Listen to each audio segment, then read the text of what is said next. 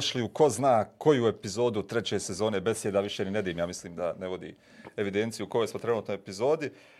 Sa vama danas u Besjedama s Nedimom i namjerom potpuno neočekivano i Nedim. A, kažu, ko, ko preživi 2021. Ovaj, ima ne, neograničeno vjugova na, na svojim podcastima. Kolega Namir Ibrahimović, opet, nažalost, i ovoj godini nas prati na, na, na besedama. Ne znam šta da vam kažem. Ovaj, nadam se da će do 2023. godine ovo zaista biti besjeda, ali samo sa jednim voditeljem.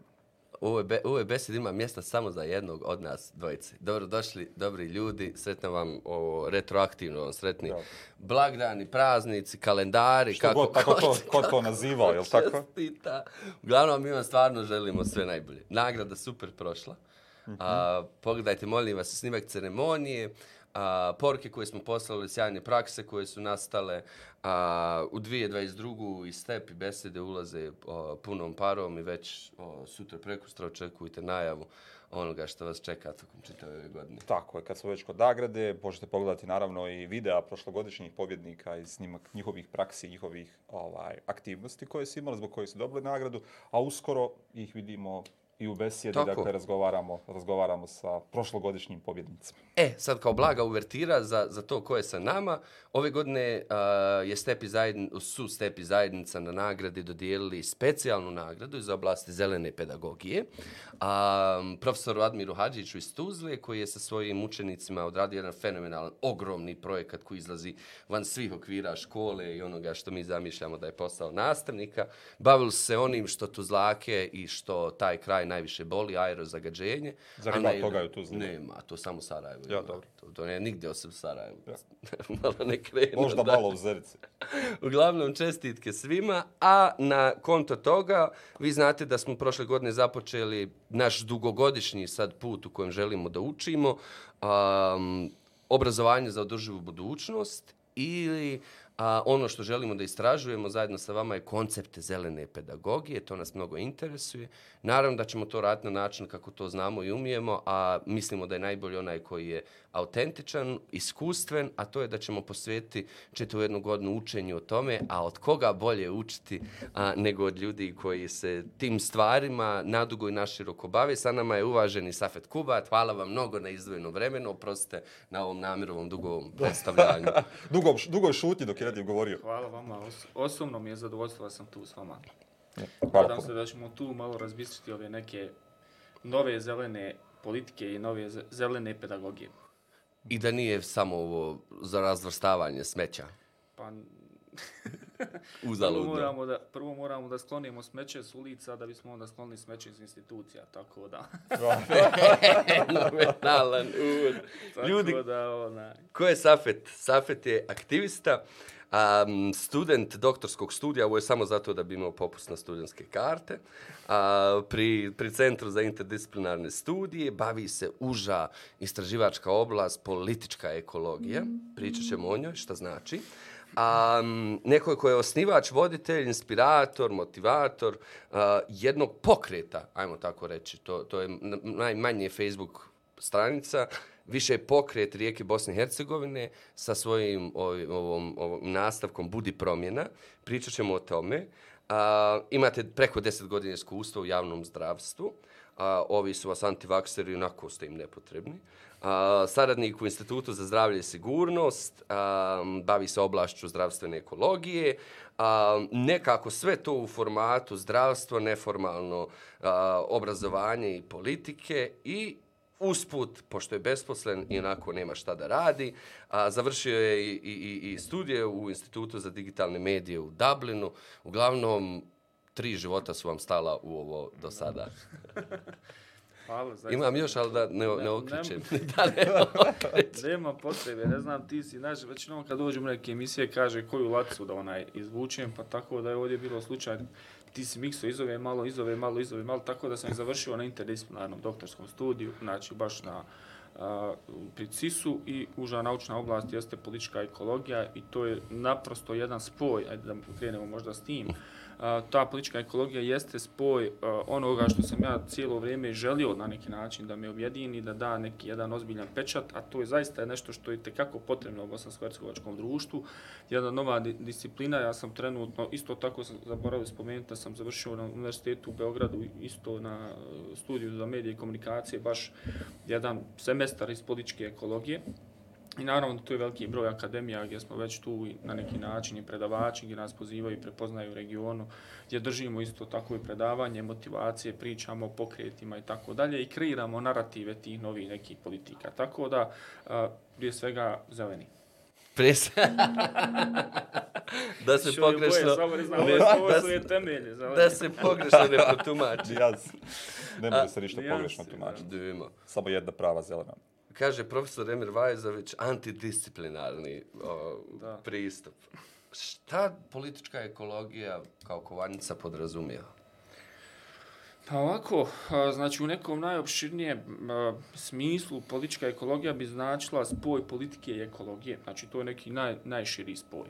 I onda tu imamo, ja bi tu opet malo pokušao da objasnim na način koji je praktičan i plastičan znači našim Eh, gledateljima koji ovom prilikom srdačno pozdravljam, eh, da, da upravo tu najbolje možemo prikazati na konceptu sa jedne strane neoliberalnog kapitalističkog pristupa koji ekologiju samo isključivo gleda kao materiju i kao prirodno dobro, kao nešto što može da uzurpira i da upotrebi ili upotrebi u neke svrhe, a s druge strane u, u najbliži koncept političkoj ekologiji jest koncept zajedničkih dobara koja taj koncept zajedničkih dobara u suštini bi značio da, da oni da zajednička dobra želi da zaštite ta prirodna dobra. Znači, i e, između ostalog, ja to volim često kazati, da, da je po mom shvatanju taj koncept političke ekologije da mi posmatramo cijele te procese kao živi organizam da su naše rijeke, naši krvotoki, kao, krvotoci, kao što želimo da, da to spomenemo i tako dalje. I u tom konceptu po, politička, politička ekologija znači nije samo, ne, nije ekologija, ni samo politika, nego spoj jednog i drugog i ona je upravo živa, što znači da isto tako je uh, promjenjiva kroz određeni vremenski period, kroz, znači, prihvaća prirodni proces promjena i tako dalje. Tačno to, to ono što i mi sami radimo na grupi Rijeke Bosne i Hercegovine gdje pravimo prirodne procese promjena, pravimo nove modalitete upravljanja, politička ekologija daje nove modalitete upravljanja gdje je samo upravljanje u nekim konceptima, koncept eh, zajedničkih dobara i u svojoj srži političke ekologije I sama, recimo, Elnor Ostrom, žena koja je dobila Nobelovu nagradu na konceptu upravo zajedničkih dobara kroz modalitet upravljanja, gdje mi sada mi možemo pričati tu o upravljanju nad vodovodima i tako dalje, najbliži oblik razumijevanja iz, razke između zajedničkog dobra i javnog dobra je bitno s ove stvari da naprosto izdefinišemo da ljudi razumiju pojmove šta to u suštini znači, šta je to razka. Ljudima je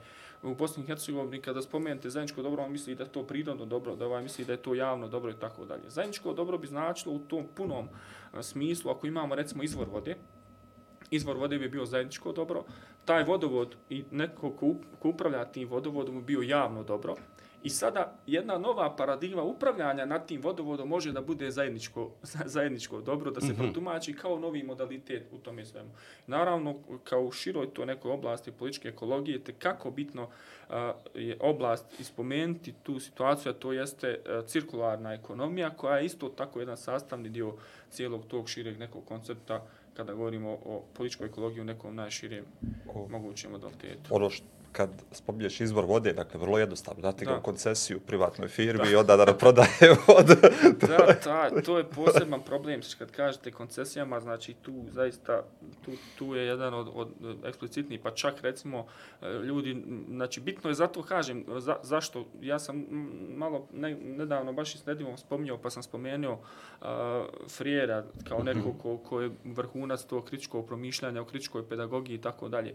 I mislim da je upravo u tom, u tom grmbu leži zec. Znači mm. da mi u suštini stanovništvo, znači sva ta, taj akademski narativ koji kreiramo, sva akademsko znanje koje imamo, da ga svedemo na jezik razumljiv običnim građanima mm. i da bude taj jezik primjenjiv. Znači, mm -hmm. i to znači sada na jednom praktičnom primjeru, ako imamo recimo fond zaštitu okoliša, način koji se, na koji način se puni budžet fonda za zaštitu okoliša. Onda mi kažemo, dobro, vi ste građani, to, to vam, e, znači vi građani prilikom registracije, svake registracije automobila, vi plaćate iznos, jedan iznos sredstava za fond za zaštitu okoliša, znači kao tu neku okolišnu naknadu. To nisu mala sredstva kada se zagađivač uzmu. plaća i tu dolazi do ogromnog budžeta koji prelazi 70-80 miliona i ta sredstva onda raspoređuje neko drugi upravlja s njim. I mi upravo onda kažemo, aha, znači prvo, prvi korak jeste osvješćavanje stanovništva, da su to njihovi novci, da to banalizujemo ono u smislu, znači x puta smo to, to slušali, kaže, kada dođu određeni političari pa naprave puteve i tako dalje, pa ljudi im plješću. Da.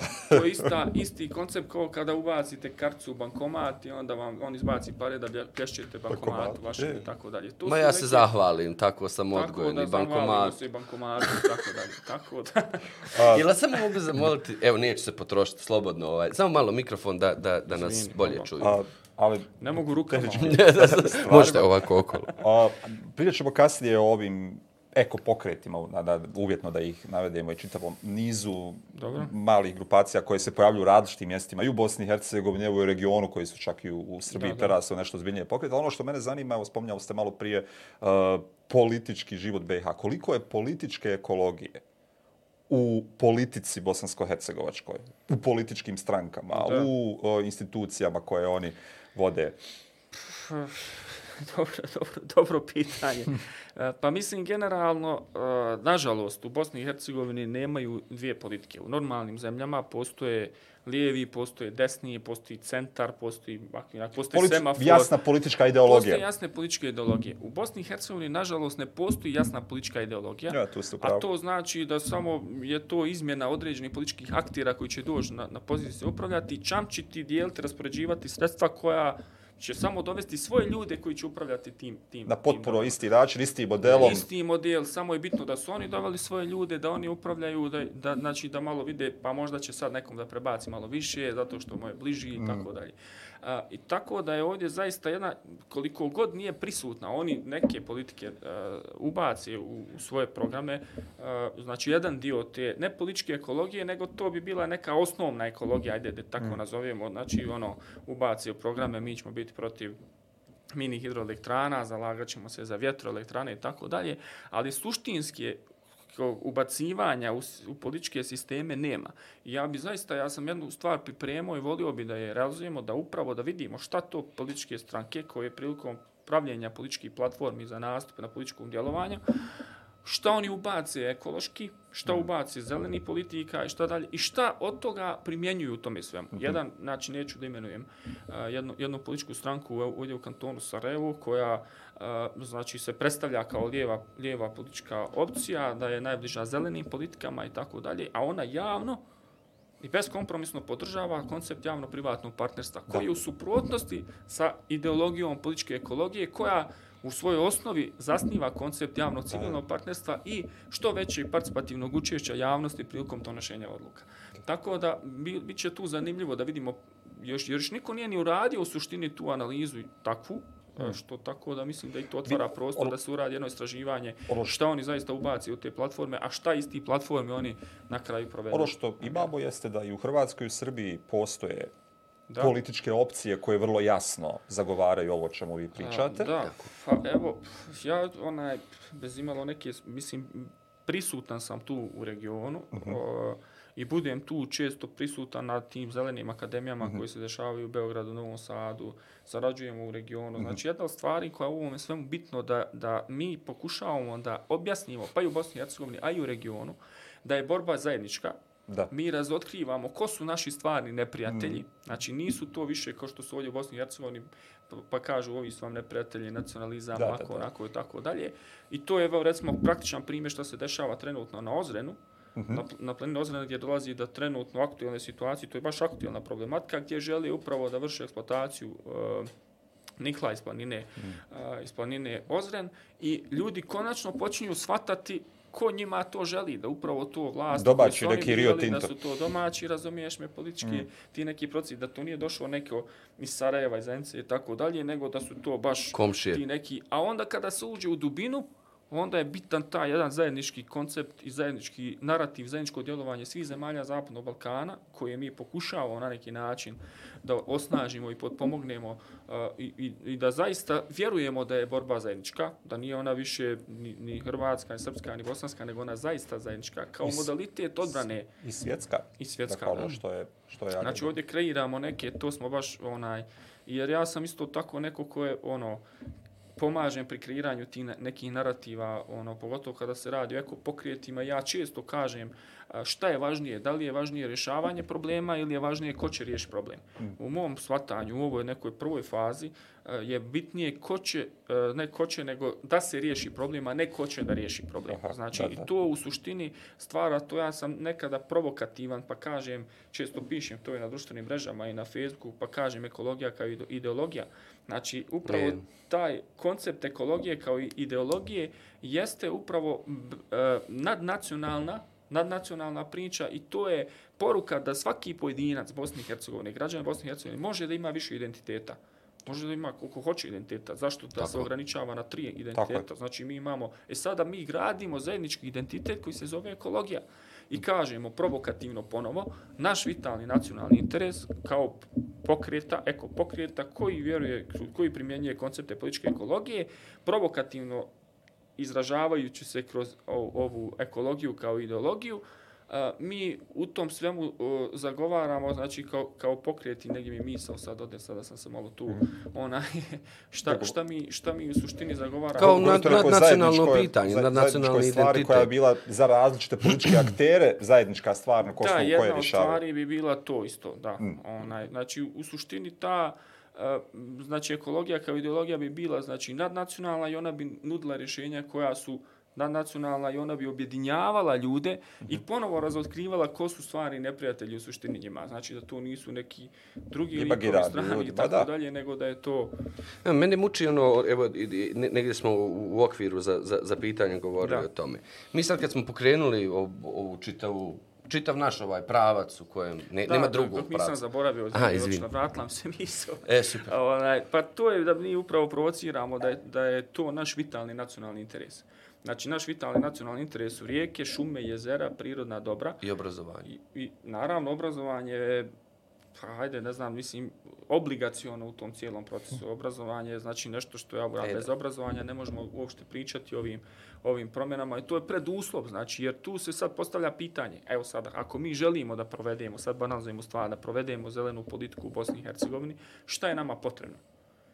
Znači, evo, ok, udružujemo se, prikupljamo znanja iz regiona i tako dalje. Mi moramo prije svega da ukrupnimo našu akademsku zajednicu koja je voljna i spremna da dosi priču. I ne samo oni koji su predavači na fakultetima, nego ozbiljnu think tank akademsku zajednicu koja će kreirati te zelene narative, zelene politike Onda druga stvar, da kreiramo bazu e, ljudi koji će biti na terenu i koji će provoditi te zelene politike, prevedene e, ti narativi koji su akademski ostručeni, prevedene na jezik koji je njima razumljiv, I isto tako ne samo razumljiv i- primjenjiv i u tom momentu kada se te dvije stvari objedine, onda možemo mi pričati da možemo neke ozbiljnije promjene da pravimo. Ako se vratimo recimo na koncept Zagreba, a koncept možemo, koji je kako bitan i zanimljiv i tako dalje, to su moji isto prijatelji s kojima sarađujem i s kojima sam po posebno intiman i, i, i baš smo, mislim, ono, na neki način kupim određena znanja i od njih šaljem im radove na recenziju, na čitanje i tako dalje, ali njihov put je i kako zanimljiv. Nastavnici, šta je se desilo u pozadini, znači ovo valjda nadam se da mi neće zamjeriti moji prijatelji što ovo pričam, ali tu istina. Koncept kada su postojale tadašnja, sadašnja generacija ljudi koja upravlja Zagrebom, je bila prokljuvena od strane profesora, profesora u srednjim školama koji su kužili sistem koji su kužili da to te politike i ti narativ koji su tada prisutni u, u Republici Hrvatskoj neće ponuditi opstojnost države i niti će zaštititi to stanovništvo. Šta su oni uradili? Onda su oni probrali najbolje studente koji su imali politička commons promišljanja, obezbijedili im, obezbijedili im stipendije i poslali ih na najbolje studije od Oxforda, Harvarda, LSI-a i tako dalje i ti ljudi su došli do nekih stepena, neko do magisterija, neko do doktorata i tako dalje i oni su se vratili u Hrvatsku i nakon tog osam godina ide proces aktivizma. Ulica, a to je ona poruka hiljadu nogu na ulici, jedna noga u institucijama. Ništa ne može nastati bez pojedinca, a ništa ne može opstati bez institucija. Tako. I to su upravo te neke stvari, znači, da, da bi mi pričali ozbiljno o tome procesu, mi moramo da postupamo upravo na jedan takav način, na jedan trezven i tako dalje. I u tom svemu što kažeš obrazovanje, ponovno se vraćam, to je jedna od najbitnijih karika u tom cijelom procesu. Šta meni tu ponajviše smeta? mi kad smo krenuli istraživanje ove teme, mi smo ovo vezali za, za, za ekološku pravdu. Dobro? u biti u naj, naj, najširem, naj, najširem nekom smislu. Uh, ova tema osim ekologije u najjeftinijem onom tumačenju školama nije prisutna. Tog sadržaja nema, pogotovo kritičkog sadržaja nema. Stinoć sa suprugom, kad sam razgovarao, ko, ko, ko nam je danas gost, gost u besedi, ja njoj tako, tako patetično objašnjavam, pa zar ne bi bilo divno da djeca u Tuzli ima li šta važnije na, na, na planeti, osim da čitavu godinu uči šta ti radi to, da, da, da vas umire 18.000. Znači, taj nova, nova termoelektrana da ubija ne samo tu djecu, da ubija djecu tri države, odat. Zar ne bi to bilo predivno? I sljedeći put kad neko spomene termoelektranu, hidrocentralu, mini, pritom ja ne znam o tom mnogo. Znam da je nešto pogrešno u tom, ali ne znam mnogo. Ne znam da argumentujem šta je sve pogrešno. Ne znam šta to znači za, za, za ribe, za, za, ne znam, životinski biljni, biljni svijet u rijeci. E sad, koncept i, i s jedne strane, ovog pojeftinjenja pojma koji, koji gradimo za bilo kakvu važ, važan koncept, mi ga pojeftinimo, ne bi nam se kao bilo lakše suočiti ili da operimo sebi savjest, pa eto kao mi razvrstavamo smeće u školi, imamo ekološku sekciju koja sadi cvijeće, a pritom me to ne ježi, ne znam kako to da objasnim. Ja. Ne tjeraš me, ne, ne, ne, ne, ne motivišeš me. To je s jedne super. strane, a sa druge strane kad mi neko izgovori zelena politika, šta? Šta, šta, šta je sve zelena šta je politika? To, ja? Koja je to širina aktivnosti? Je li to da, pitanje da, da. siromaštva? Jeste. Je li to pitanje Bosne i Hercegovine i konteksta prljave industrije koja, u kojoj radi 100.000 ljudi? Šta ćemo, e, sjećam se rade kad je govorila o kesama, o, o, kao, ok, ukinčeš plastične kese, ostaće tamo 120 radnika bez posla. Dakle, nije crno-bijelo, znamo šta je ispravno, ali transformacija kao takva nije laka. Da ponovim šta je moje pitanje šta da radimo sa pojeftinjenjem ovog koncepta, iz kojeg treba izaći i šta zaista podrazumijevaju zelene politike. Da. Sva što si ti pitao. pa vidi, generalno kada govorimo o tom o pojeftinjenju o, onaj, tog nekog sektora, ja bi to, mi u Bosni i Hercegovini trenutno, i to istina, uh, imamo s jedne strane ljude koji nemaju nikakvo ni elementarno znanje o ekologiji, imamo ljude koji imaju osnovno znanje o ekologiji i imamo ljude koji su akademici, emeritus i tako dalje u toj priči ekološkoj i tako dalje. Ovi koji znači, imaju osnovno znanje o ekologiji, to su upravo oni koji se sad malo prije spomenuo. To su ljudi koji imaju razvijenu poprilično ekološku svijest, oni znaju da, da žele da imaju kante za smeće, žele, razumiješ, da probude svijest, da kupe, da kupe smeće, da se vrši sadnja, pošumljavanje i tako dalje. I to je ok, to su ugodne, lijepe aktivnosti i stvari koje neko želi da radi. Međutim, ono što tebe vjerovatno interesuje, što te navodi šta to je suštinska promjena, šta je to suštinska ekologija u tome svemu, s te tačke mi moramo da razumijemo da u Bosni i Hercegovini suštinsku ekologiju ne razumije 5% ljudi. Suštinska ekologija podrazumijeva znači upravo i koncept političke ekologije i koncept zajedničkih dobara i skroz jednu drugu paradigmu generalno održivosti cijelog tog koncepta gdje jesu nastavnici i obrazovni sistem jedan možda od ključnih kara, karika za tome. Međutim, šta mene straši u tom? Straši me u tome kada vidimo nastavnike šta? Prvo, prva jedna stvar koju treba postaviti, vi ste više obrazovanja, ali moja neka promišljanja kada dotiču i tako dalje, ja ću iznijeti neka rješenja u tome svemu šta tu određenog nastavnika uh, može da motiviše da on radi na konceptu održivi sistema, jer održivi sistemi u suštini jesu suštinska ekologija, šta, šta su njegovi strahovi, šta su njegova motivacija i šta je njegov privatni background i ubjeđenja, da li je to neka neoliberalna kapitalistička osoba koja ima 100% uvjerenja da je to ispravno, da je neoliberalni način, koncept ispravan, da, da, da ga je neko ubjedio i pripremio i tako dalje, ili, ili nije. Znači, to je jedno od, od ključnih pitanja kako, kako u suštini, kako onda, onda se postavlja pitanje kako u suštini sada to prevaziđemo, šta su tu rješenja i tako dalje. Jel pritom to isključuje, o, neoliberalizam potpuno isključuje o konceptu o kojem vi govorite? Pa ne bi ga isključio, ja, znači vidi, ovdje ne možemo stavljati stvari crno-bijelo. Znači, kada gledamo iz aspekta ekološke pravde, ekološka pravda ima tri nivoa Jedan je znači zdravlje, drugi je ekonomija, treći je okoliš. Sva ta tri koncepta moraju biti zadovoljena. Međutim, kada govorimo o konceptu neoliberalnog kapitalističkog načina promišljanja, to je ovo moje mišljenje, ja u tom smislu kažem i podrazumijevam kada govorimo o neoliberalnim politikama, neoliberalnom razmišljanju, da to su one neoliberalne politike koje se bogate na konceptu zajedničkih dobara, koja uzimaju prirodna dobra i na osnovu tih prirodnih dobara koja trebaju da pripadaju svim građanima Bosne i Hercegovine, oni se na neki način bogate. I o tom načinu i taj način, ako je to u redu, da jedan čovjek, dakle, evo recimo na konceptu mini hidroelektrane, gdje se većinom dodjeljuju koncesije i dozvole jednim pojedincima, tajkunima, privatnim licima, ako na konceptu te gradnje jedne mini hidroelektrane u Bosni i Hercegovini, on recimo što se tiče novca, taj pojedinac će zaraditi 95% sredstava od toga, 3% će ići državi, 2% će ići građanima.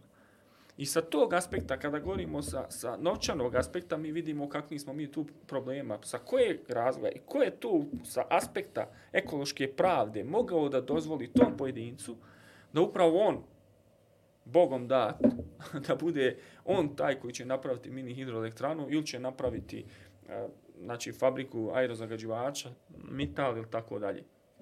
I protiv tog načina i koncepta neoliberalnog promišljanja mi se moramo... Ali bi ovo godina, ba, mislim, od 95. slušalo priče o stravim investicijama, Da. o ono, pokretanju biznisa, ulaganju, ono, tu otvaranju radnih mjesta bez bilo kako. I sad je to Da. ono, narativ koji je vrlo teško savladati, a s druge strane, mi samo, evo, da idemo sa ovim naj, voj- svojim očima da vjerujemo, gdje god da krenemo, dakle, odnos stanovništva prema prirodi je potpuno uh, niti je više ono, ne znam koji tebi da iskoristim, dakle, evo, zanemarujući u smislu da to što neko kad mu ne treba bilo koja, koja ambalaža iste u trenutka ispusti iz ruke, Da. do onoga da ako vidi da je već neko ispustio, da nema nikakvu namjeru da to skloni ili da to pomakne. Dakle, ta dva, ono, te dvije osobine društva koje stoje, zapravo ono o čemu Nedim govorio, dovodi u pitanje koliko smo mi kao društvo u stanju da napravimo korak ka Da. I možda još dodatno da razumijemo da, da jedno je bacati smeće, drugo je uništiti Da, da, sliv da, da, da. rijeke ono, za, Ne, za, za uvijek. Jasno, nego govorim u smislu ljudi koji imaju tu vrstu Pritom odnosa. nepravdan dakle, je, odatle to, kreće. Da, da. Dakle, to ono, u smislu da je, ako je prirodno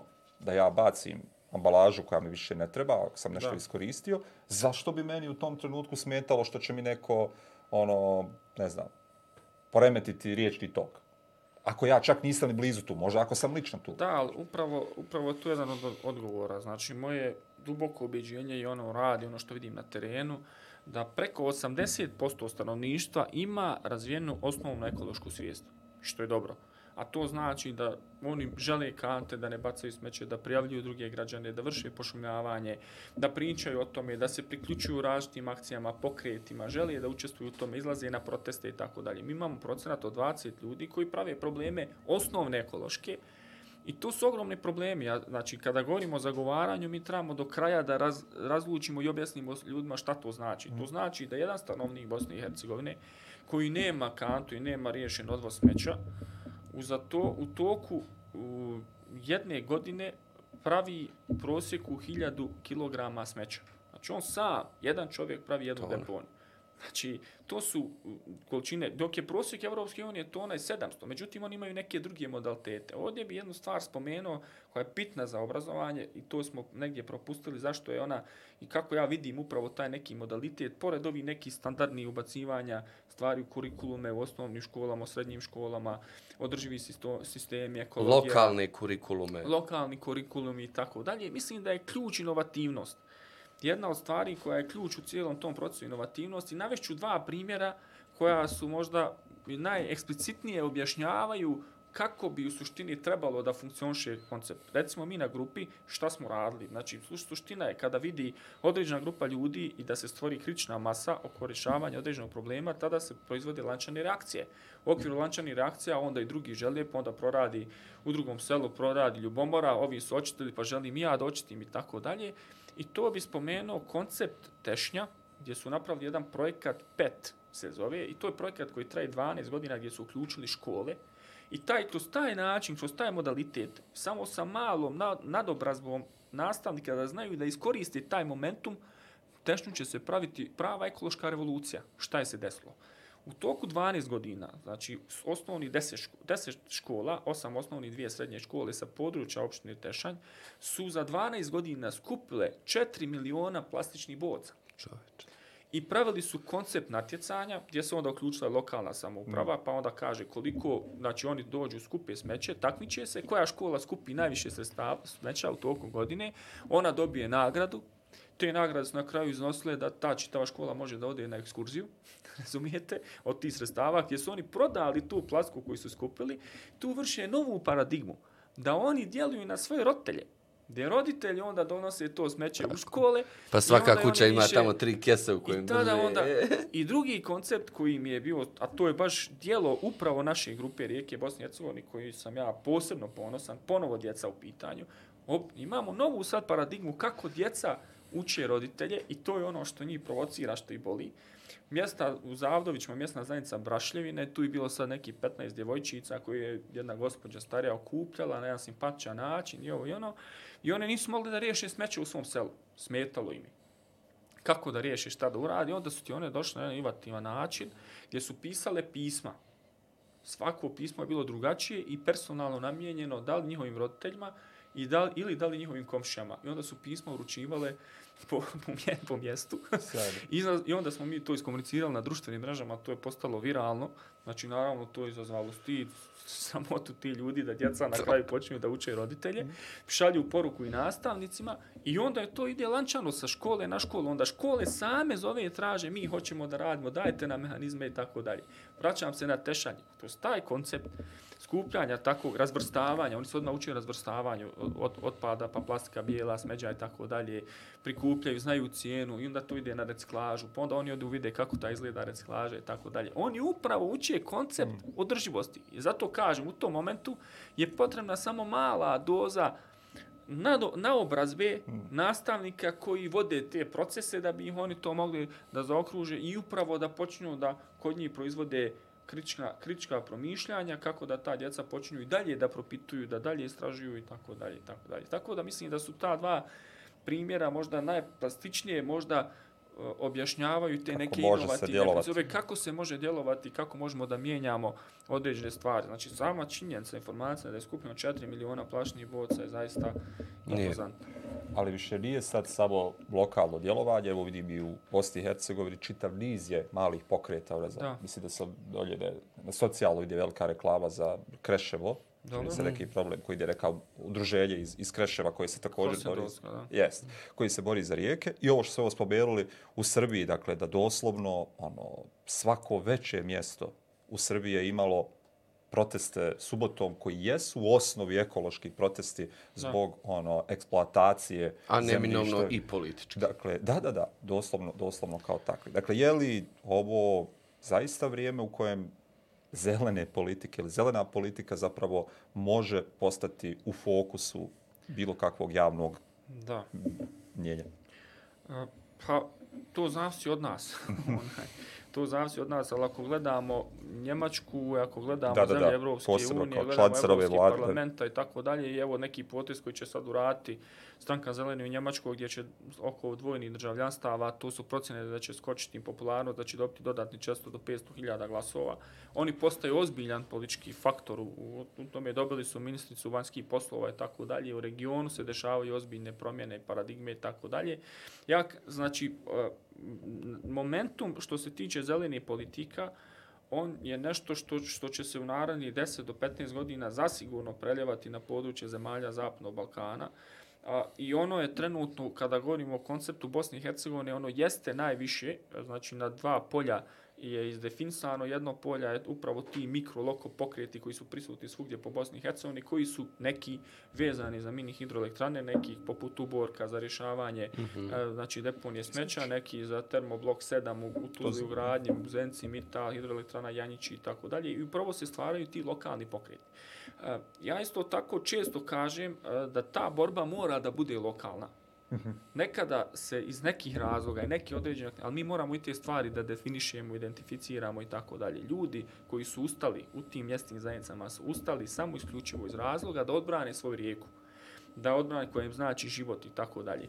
I u tom momentu obaveza ili šta tu aktivisti treba da radu, ni u kojem slučaju ne smije ni jedan aktivista, ni jedna nevladna organizacija da preuzme zasluge, E, pa. da on kaže mi stojimo za toga. Ne, možemo samo da ih osnažimo.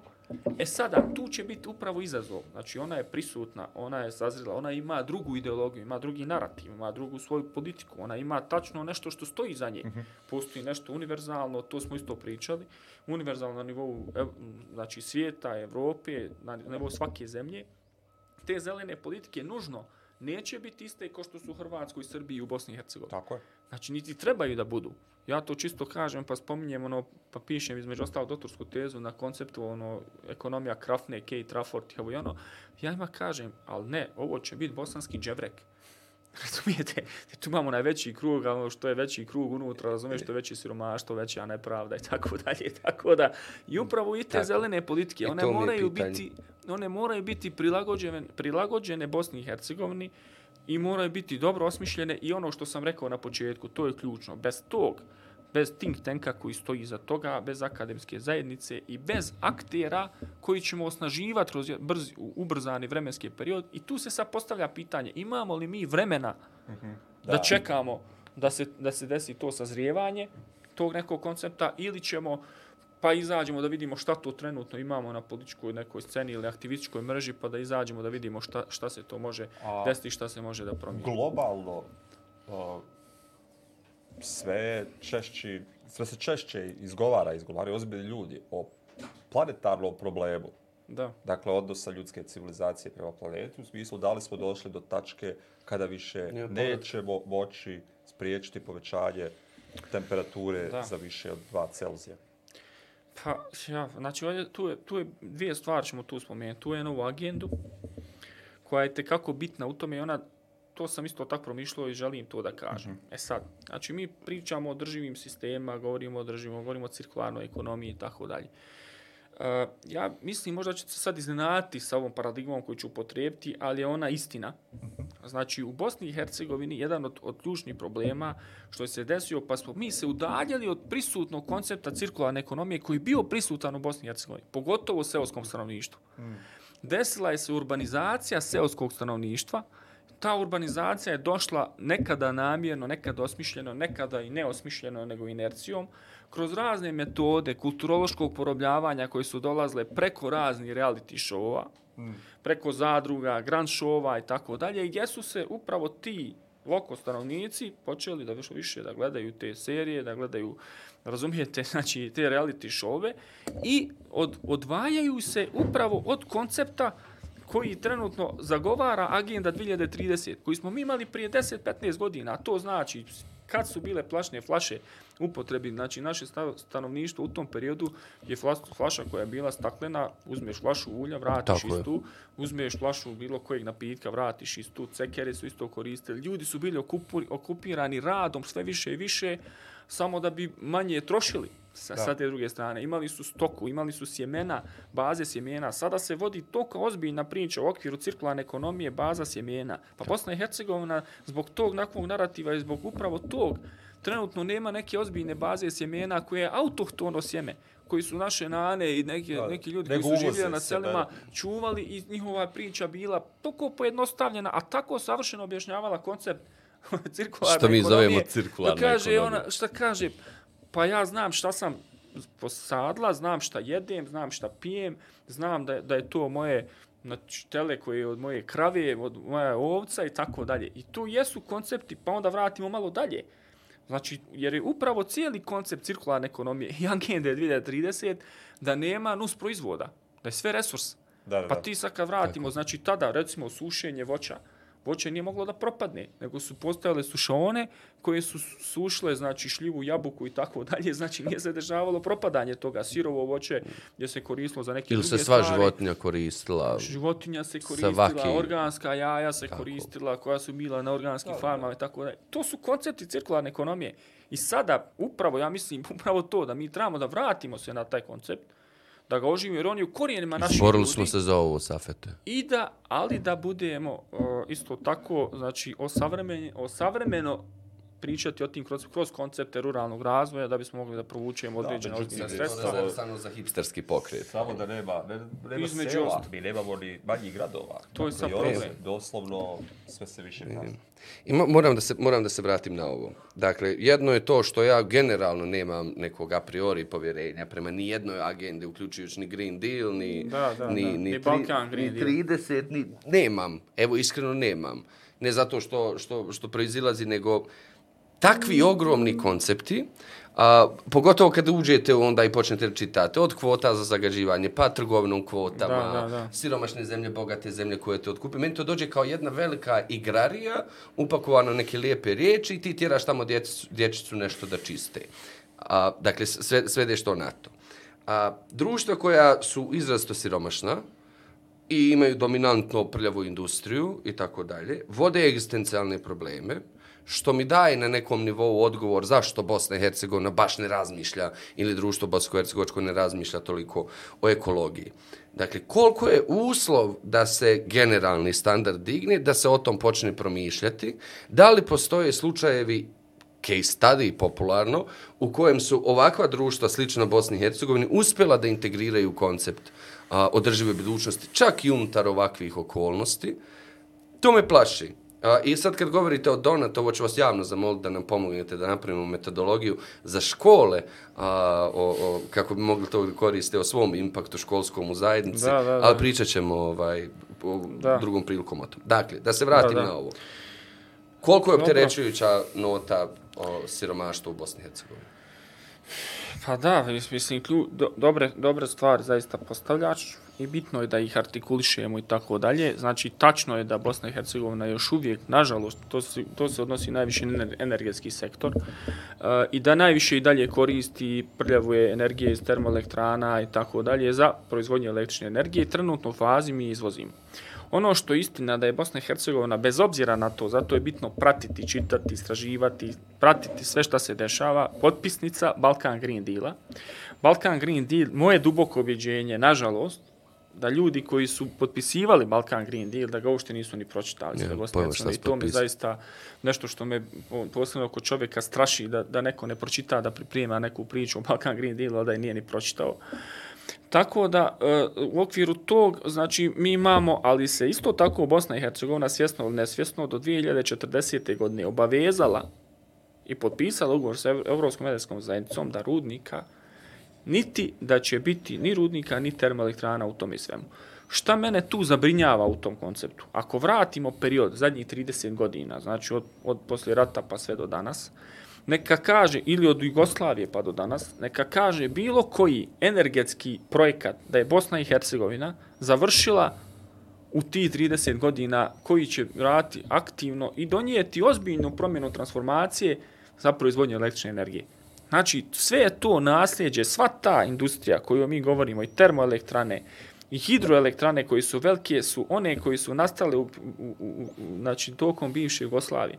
I to je nešto što mene, znači, zabrinjava kao nekom. Međutim, moramo davati ljudima i nadu. A ta nada bi značila, a, znači naše duboko objeđenje da je jasno i to, znači ovdje postavlja se pitanje pravedne tranzicije, pravedne tranzicije sa pitanja šta raditi sa tim ljudima koji nemali broj radi u rudnicima i tako dalje. Naravno, jedan dio će ih se penzionsati u tom periodu, u onom drugom ponovo nastupa obrazovni sistem kroz prekvalifikacije, dokvalifikacije, naobrazbe, njihove interese, pravljenje nekih drugih mehanizama. Čak se rudari tome ne protive. Ja sam Ne slušao protive, kada da. je govorio ovaj predstavnik sindikata. Ali tu me najviše daje mi a, nadu u tom svemu, upravo što smo mogli da svjedočimo na konceptu protesta rudara koji su bili tu ispred federalne vlade, kada su tražili neka svoja prava, ta građanska solidarnost koja je prisutna. Pa smo vidjeli na da su građani Sarajeva dolazili, donosili im čeba, deke, hranu i tako dalje, što znači da je naš narod dobar, bez obzira kako god to izgledalo i zvučalo, znači on je ipak solidaran. A upravo na solidarnim konceptima, solidarni koncepti Sve mogu da pomognu prilikom stvaranja održivih energetskih sektora u smislu kreiranja energetskih zajednica, koji će biti zasnovane na solarnim vjetroparkovima, udruživanje većeg broja ljudi i tako dalje, koncepti socijalne ekon ekonomije, kada govorimo o ovim nekim zagrijavanjima, da se koriste gdje može, gdje je izvodivo so ove pumpe i tako dalje. Međutim, da bismo to radili ozbiljno i adekvatno i pristupili, mene to isto tako straši. Mi ovdje samo neka priča, uh, donose neke odluke ljudi bez ikakvih javnih rasprava, bez participativnih učešća javnosti, bez ovoga, bez onoga i tako dalje. Donose odluke, grade, da se gradi hidroelektrane, pa da se grade hidroelektrane u, u gradskim područjima i tako dalje. Ja čisto sam ubijeđen da je to bez ikakvog nekog strateškog promišljanja, šta je šteta, šta je korist od toga i tako dalje. Ovdje se postavlja pitanje hoće li biti dovoljno solarno, gdje moje recimo duboko objeđenje gdje smatram i zagovaramo i tražimo to i borimo se, pa i ovom novom zakonu je predviđeno jednim dijelom, da svaka kuća može da ima na svojoj kući, na svom krovu solarni panel, zašto to ne bi bilo? Jedan od modaliteta, razumiješ me, zašto to ne bi se desilo? Jedan vjetropark, to je jedan od odgovora koji mi koristimo u borbi protiv gradnje mini hidroelektrana, može da proizvede električne energije ko 100 mali hidroelektrana. Znači, zašto ti da uništiš 100 rijeka ako ćemo da postavimo jedan vjetropark? Znači, to su sada neke e, stvari koje, koje mi trenutno imamo, Ima nešto što možemo da radimo.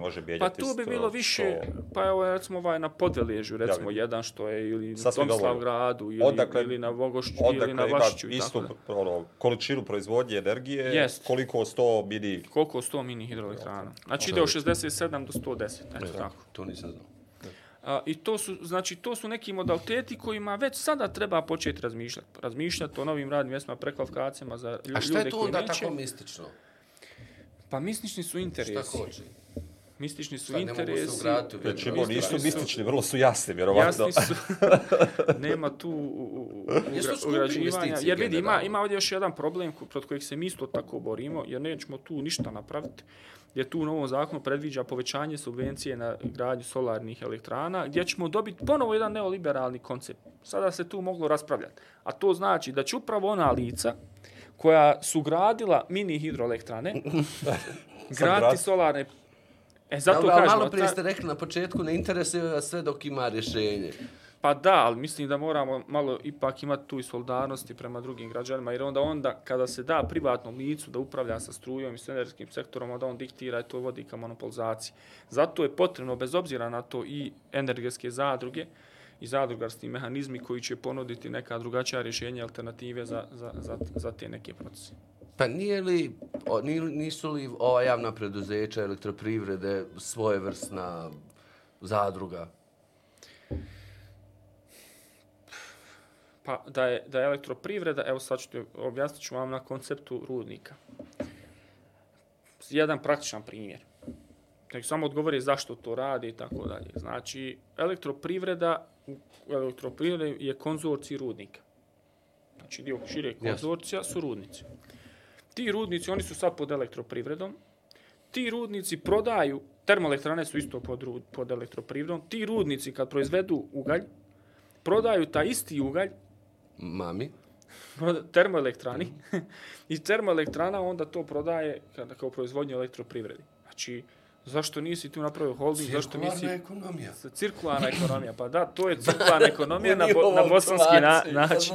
Na neoliberalni koncept. Da, da. A, I naravno, tu je veliki broj zaposlenih ljudi u administraciji, manje onoga u proizvodnji. To je ona teorija bumbar u marketingu, više puta smo je slušali i čitali, pa koga prvo otpustiš mrava, pa tak i vidjeli smo i sa rudarima, tako dalje. Tako da mi jasno šaljemo porku da podržavamo naše prijatelje rudare, da ne želimo, želimo win-win varijantu, želimo da imamo čistu energiju i želimo da radna mjesta budu sačuvana. A međutim, a, zato je sada pitanje da li je nužno ulaziti u političku arenu, da li je to i da li je dovoljni ovakvi vrste pritisaka koje trenutno radimo preko pisama, preko peticija, preko protesta i tako dalje, da participativno učešće javnosti, dovoljno vrsta pritiska da možemo da sačuvamo zajednička dobra, ili će to morati da se dešava kroz parlamentarne klupe ili... Ono što je zapravo dalje. sa čim se suočio Bože vas i sa čim se suoče i stranke zelenih u Austriji su također bio dio da. glasa konzervativno, bit će vjerovatno Njemačkoj, zapravo a, širi nivo politike od onoga kako ih percipira javnost. Dakle, mi sad zelene da. politike i sada bi posebno kad ulazite u koalicije, ono sa nekim, dakle, kako se nosite sa ono stvarima koje sa kojima se u nekom trenutku ne slaže, da. a nužno ih je uraditi i kako zapravo da to prezentiraju svojim glasačicama i glasačima da je to nažalost u tom trenutku jedino jedino I moguće. I pritom dobiješ mjesto direktora elektroprivrede. A da, mislim da je da, od, znači razgovarao sam na tu temu baš sa, sa ekipom iz Možemo, i, možemo iz, iz Zagreba na tu šta kako, jer jasno je to. Znači oni su još naslijedili neki ugovora. Ozbiljan problem su ono, naslijedili. Mislim da je tu, da bi se to sačuvalo, dvije stvari moraju ostati. Znači, bez obzira na to sve. Jedna je da mora ostati think tank, koji će uvijek vraćati na fabričke postavke, zbog čega su oni izabrani, zašto se oni moraju za, za, zagovarati i za, i zalagati u tom konceptu i mora da ostane pokret iz kojih su oni nastali. Mm -hmm. Znači, aktivistička mreža mora da ostane, da djeluje, da, da radi. Da da dolaze novi ljudi. Sa možemo je problem jedan u Hrvatskoj zato što su upravo ta aktivistička mreža je ušla u politiku. I sad nema ko da je ostao na, na ulicama, razumiješ? Mislim, ko da i štiti, da, da, ko da, da radi. Sada preuzmaš, a to jeste problem, to ja stalno ponavljam. Znači, ljudi i, i aktivističke i nevladne organizacije koji imaju neke ciljeve da se žele u nekom momentu da bave politikama, ja o tim ljudima govorim, Razumijem. oni cijelo vrijeme rade opozicijono. Znači, kritikuju i tako dalje. A to je opasnost ogromna. Znači, kada ulaziš sa tim pričama, da to mi je drago da su ova pitanja danas postavljena, ti moraš da daješ odgovore i da preuzmaš odgovornost. Znači, treba da se priprema za pozicijono djelovanje. Da, da, da. Za poziciju, da ti u momentu kada preuzmeš vlast i preuzmaš odgovornost, da, da, da. nemaš više pravo ko što si, aha, mi smo kritikovali Bandića, mi ćemo kritikovati Bakira, ovoga, onoga, ne, ne, ne, ne. ne, u momentu kao ulaska... Kao što je bila kritika veza, recimo, da. Žičaru u Zagrebu, I Tako. na kraju se ta žičara morala otvoriti, bez obzira da. što je očigledno preskupa, bez obzira što tu ko zna kako je rađeno na kom nivou, da. ali u nekom trenutku, dakle, bez obzira što su vlasti, što su bili protiv protiv načina koji je rađeno, oni moraju ugovora koji je grad potpisao, bez svih obaveza stvari, moraju da to uradi. Pa ima tu kritike i sad trenutno i na zelene i tako dalje, ali tu treba se baviti realnim politikama. Znači, po, po mom nekom mišljenju treba da bude tu realno, da nema isključivosti. Ja sam vidio u tim nekim onaj, pokretima kada dođemo, kad sjedimo, isključivost. On neće da dođe na proteste zašto dolazi ovaj, zašto dolazi onaj. Znači, svaka isključivost je problematična. Nema da. isključivosti. Znači, ovdje, ovdje ona priča kaže, mi smo oni koji smo čekali, ona treba da objedinjuje, da poziva, da, da pravi što veći krug ljudi, da, da niko se ne osjeća ugroženim ni isključenim da, u tom procesu. Ali upravo ono o čemu ste govorili malo prije, najčešće za takvu vrstu pokreta se opredeljuju ljudi koji žele radikalnu promjenu. Da. I u čitavom svom djelovanju zapravo oni zagovaraju da to što je sve ne valja, da treba izbrisati i dovesti nešto novo. Međutim, u onom trenutku kada se dođe i dobije se prilika da se to radi, zapravo se shvati da nemoguće da. je imati potpuno nove obrazce. Pa, Moraju se preuzeti moguće, moguće imati nove obrazce. Mislim, prvo treba ljudima objasniti da je poseban termin politička arena, poseban termin je javna uprava i da to nije rad u nevladnim organizacijama, nego da je to institucionalno djelovanje koje ima svoja pravila i tako dalje. I u tom je svemu najidealističnijem primjeru. Evo sada možemo, opet se vraćam, mislim, nadam se, neće zamjeriti. Više puta je spominjem, ali zaista mi ono... Planiramo neke od njih da zovemo. E, ali postavlja se da? pitanje sad, uh, da li oni imaju dovoljno ljudi koji će biti, mislim, Da, sada da, imamo, da. sada se desilo, oni jesu osvojili gradsku skupštinu, jesu osvojili većinu kvartova po Zagrebu, jesu dobili načelnika, dograda načelnicu i tako dalje. Međutim, oni imaju u, u hjerarhiji ispod, u institucijama, direktorskim pozicijama, upravnim nazvom, 25.000 ljudi. Tako koji su koji prethodnih su 20, 20 godina dolazili godina tu. bili neči. Da. koji, Jer sad, jedan čovjek vladao zapravo. To je umjetnost. To je, da, to je sada umjetnost dakle, kako... To, eto, to su ti obrasci kojima da. se mora prilagoditi. Samo, vjerovatno, banalnih pravilnika koji su propisani iz čista, iz čista mira, ovaj, ali nije jednostavno. I zašto, to, zašto sam to sve govorio? Zapravo u tom nekom trenutku uh, da se ono glasači, glasačice, neko, nada koju su oni dali, ne, ne, ono, zbog strpljenja ili nestrpljenja da se, poka, da se vide prvi jasni koraci promjene, da. dakle ne izgubi u nekom trenutku. Ali to je ono zbog čega znači, to sve pitam. Mislim, generalno u, u politici, uh, mislim, kroz neko iskustvo, kroz političke kampanje, uh, je potrebno da bi se uradila jedna ozbiljna promjena, potreban je period od šest godina. Od šest godina da bi se uradila ozbiljna promjena. Međutim, ti imaš sad situaciju, odnosno imamo situaciju da imaš period da ti vladaš četiri godine godinu i po dana da se prilagođavaš na vlast, godinu i po dana da vladaš, godinu i po dana da se pripremaš za, za naredne izbore. Da, da, da. I ti ako ne radiš kompromise, a radeći kompromise gubiš Jedan određenu, određenu bazu, mm. i mislim da tu zaista mora da bude konstantna i kontinuirana edukacija, stalno izlaziti sa ljudima, objašnjavati im zbog čega je to i tako dalje. I mislim da ipak će ljudi to da prokuži, to što su prokužili šta je ispravno i da im je Je. dosta te neke je- politike u Evo tome. recimo ja sam vidio Redim, evo preuzeo sam ono u okej. svoju dakle pitanje, pitanje Zagreba, možeš ići, ovaj, pitanje sa, recimo na primjeru konkretno šta to znači, dakle on u predzbornoj kampanji su Možemo i na Beograd, nije... možemo i na Dagu I na. Sarajevo, ajde. ovaj, je pitanje, evo recimo, obnove Zagreba nakon potresa, dakle Da. nešto što je bilo njima u policiju, da su jednog momentu shvatili da zapravo bez države Ne mogu ništa. ne mogu ništa, a država očigledno ne zna, ne može, neće, čeka Da. neke druge prilike, to je ono što... Pa, Zvolne dim. Nema, nema, nemam. Slu- Slušam, slušam. Ogromna su pitanje. I ono što smo govorili baš nije, nije, nije crno-bijelo, ni bilo ko, ono što me, mene, na primjer, u čitavom procesu plaši, evo, mi smo mnogo pričali o Možemo, nama je, nama je to bilo inspirativno. Pogotovo taj koncept dugogodišnje, o, dugogodišnje borbe koji kreće od znanja, to je nama važno. Dakle, nije krenuo od nekog sentimenta, pa to bi trebalo. Dakle, od dubokog korijenjenog znanja koji polako dira praksu i sad idemo u onaj treći dio koji to uređuje. Evo, počinju ljudi da se bave politikom. Mene plaši i, i kontekstualizacija. Neki priča koliko su moguće u Bosni i Hercegovini. Ja mislim da, da, da je svaka za sebe sui generis kategorija i, i podrazumijeva za, različite pristupe. Od svega ovoga, pošto nemamo još, jo- još puno vremena, nažalost, a očigledno je ovo prvi u nizu naših susreta, stvarno smo u zajednici posvetili, dakle, sam naš rad u buduće ima tu komponentu, nadkomponentu zelene pedagogije, koje ni mi ne znamo mnogo, Dakle, istražujemo je. Dakle, da, možemo preuzeti neke modele, ali ne vjerujemo u njih. Vrlo nam je važno da, da čujemo nastavnike, da analiziramo taj sadržaj, da vidimo moguće intervencije, ali ništa od toga bez, bez znanja, prazna glava ne misli. I zato bi voljeli da, da sa vama učimo i sa našim nastavnicima a, u ovoj grupi. Koje je to, evo ne radikalne, bilo kakve transformacije sanjate u obrazovanju, ne bi li doprinijeli vašoj borbi na jednom dugoročnom nivou? Uhu. pa dobro, sad, sad idemo na ovaj vaš. Ne, to Pa, i dalje, to i dalje znači, vidi, ja, ja Mi ćemo se potruditi da inkorporiramo. bude naš. Da, da, ovo je naš. Pa ja smatram kada, mislim, to sam već spominjao, kada govorimo o nastavi, se treba biti realan. Treba vidjeti nešto što mi možemo da težimo ka tome, da se stvaraju neke think tank zajednice. E, moramo da osnažimo određene pojedince i nastavnike koji mogu da iznesu te promjene. Mene radosti zaista, znači u saradnji, ja sarađujem dosta sa školama u Zajedničko-Dovskom kantonu, pa i u Bosni i Hercegovini, pogotovo sa ekološkim sekcijama i tako dalje, vidim spremnost tih nastavnika što me posebno radosti. Da li je neko radio sa njima, nije radio, ja to zaista ne znam. A, mislim da se oni moraju prije svega ojačati određenim znanjima, održivim sistemima, prouč, podučiti ih i vidjeti naravno ko su to, najvjetniji će biti tu filter nastavnika koji, koji će biti nosioci tih promjena.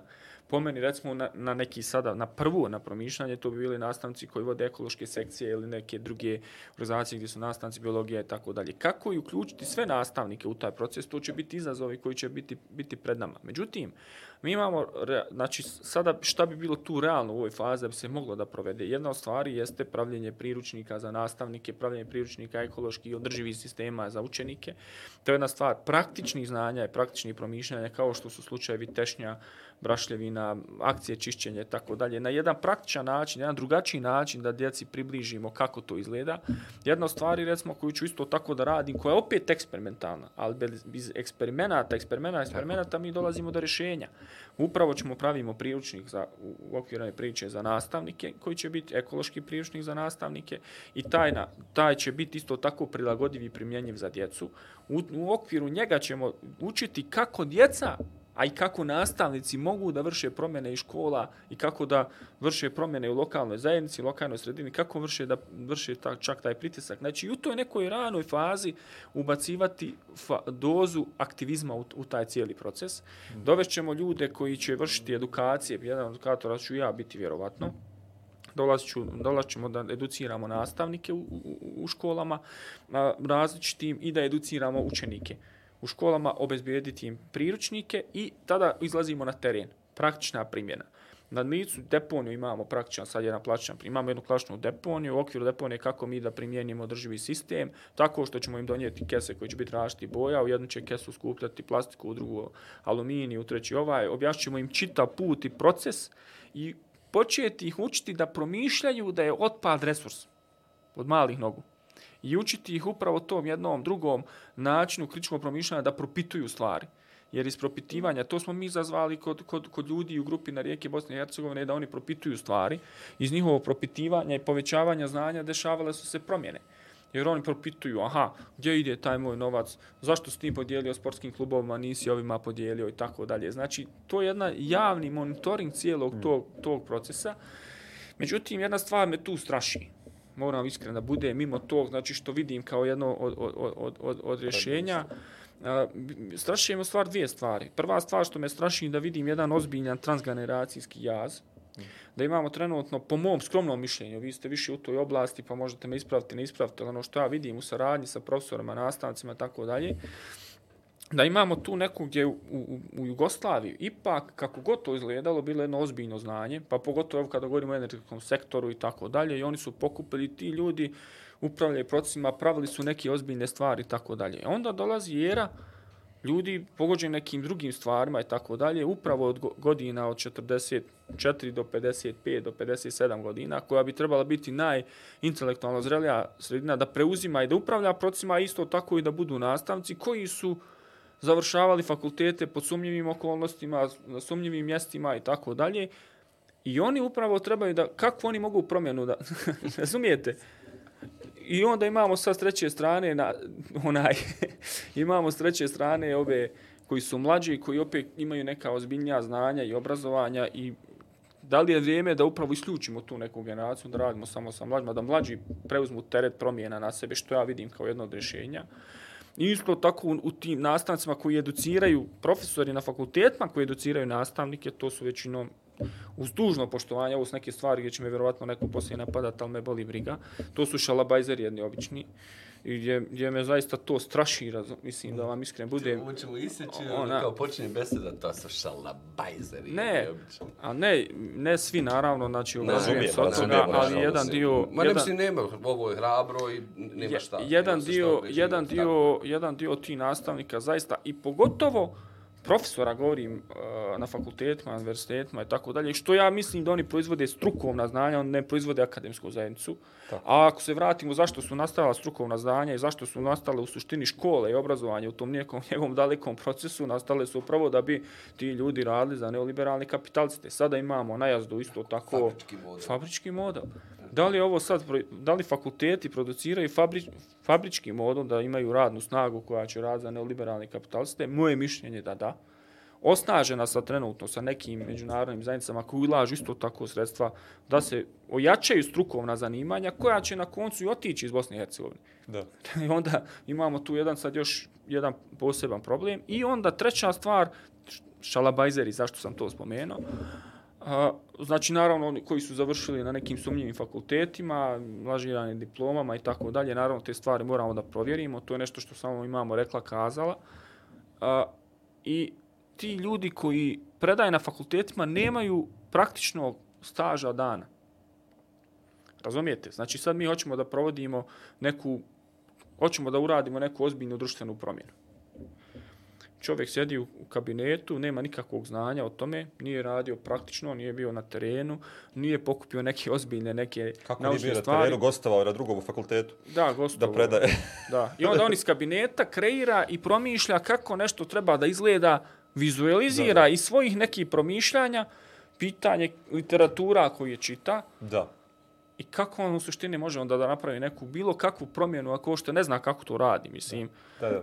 A nije imao dana, prije su ti neke stvari koji su meni bile fenomenalne. Morao si da imaš opet neko radno iskustvo, neko radno znanje, ne, neki period. Mi, mislim, jedno da. visoko obrazovanje samo jedan od polja u kojem bi nikakvih kriterija ne bismo išli, to je ipak vaš, više vaša da, oblast. Da, da, ja govorim sada, to... povezujem koliko su, koliko su to duboki problemi, yes, jer upravo yes. oni trebaju da nauče I što znači da, da smo mi prilagod, mi smo primorani da ćemo morati kroz nevladne organizacije, aktivističke mreže praviti određene think tankove koji će preuzeti ulogu Ali, tako. nažalost, u tu se sam... gubi vrijeme, to je dosta da traje već. Nažalost, ali moramo gubi to. Se, ja, tako je, gubi se vrijeme, gubi se volja, da, uh, gubi skupo sela, skupo, skupo je, dakle, na svi mogućim nivoima je to da. potpuno pogrešno, ali očigledno još uvijek traje. Evo, tu je.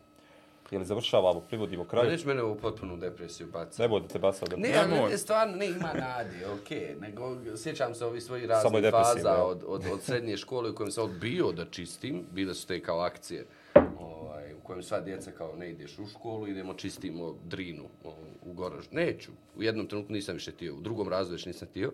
A, ja je ne prljam, B, neko to drugi radi, idi obrazuj njega, C, to je samo da se ne ide u školu. I sad pro, prolazimo i razne faze i sjećam se prvog predavanja na, na Nepcivoj ljetnoj školi, to je bio Mladen Domazet, Aha, ovaj, iz instituta u, u, u Zagrebu i on je govorio o, o tačka bez povratka. Vrlo provokativno, onako, gotovo da smo već ovaj, dotakli tačku bez povratka, u kojem planet nema mogućnost da se oporavi sam, pogotovo s nama ovakvi kakvi smo. A, meni tu igra mnogo stvari. Dakle, pored svih ovih koncepata o kojim smo govorili, govorimo i o solidarnosti, koja u mom nekom razumijevanju je najčešće produkt nužde.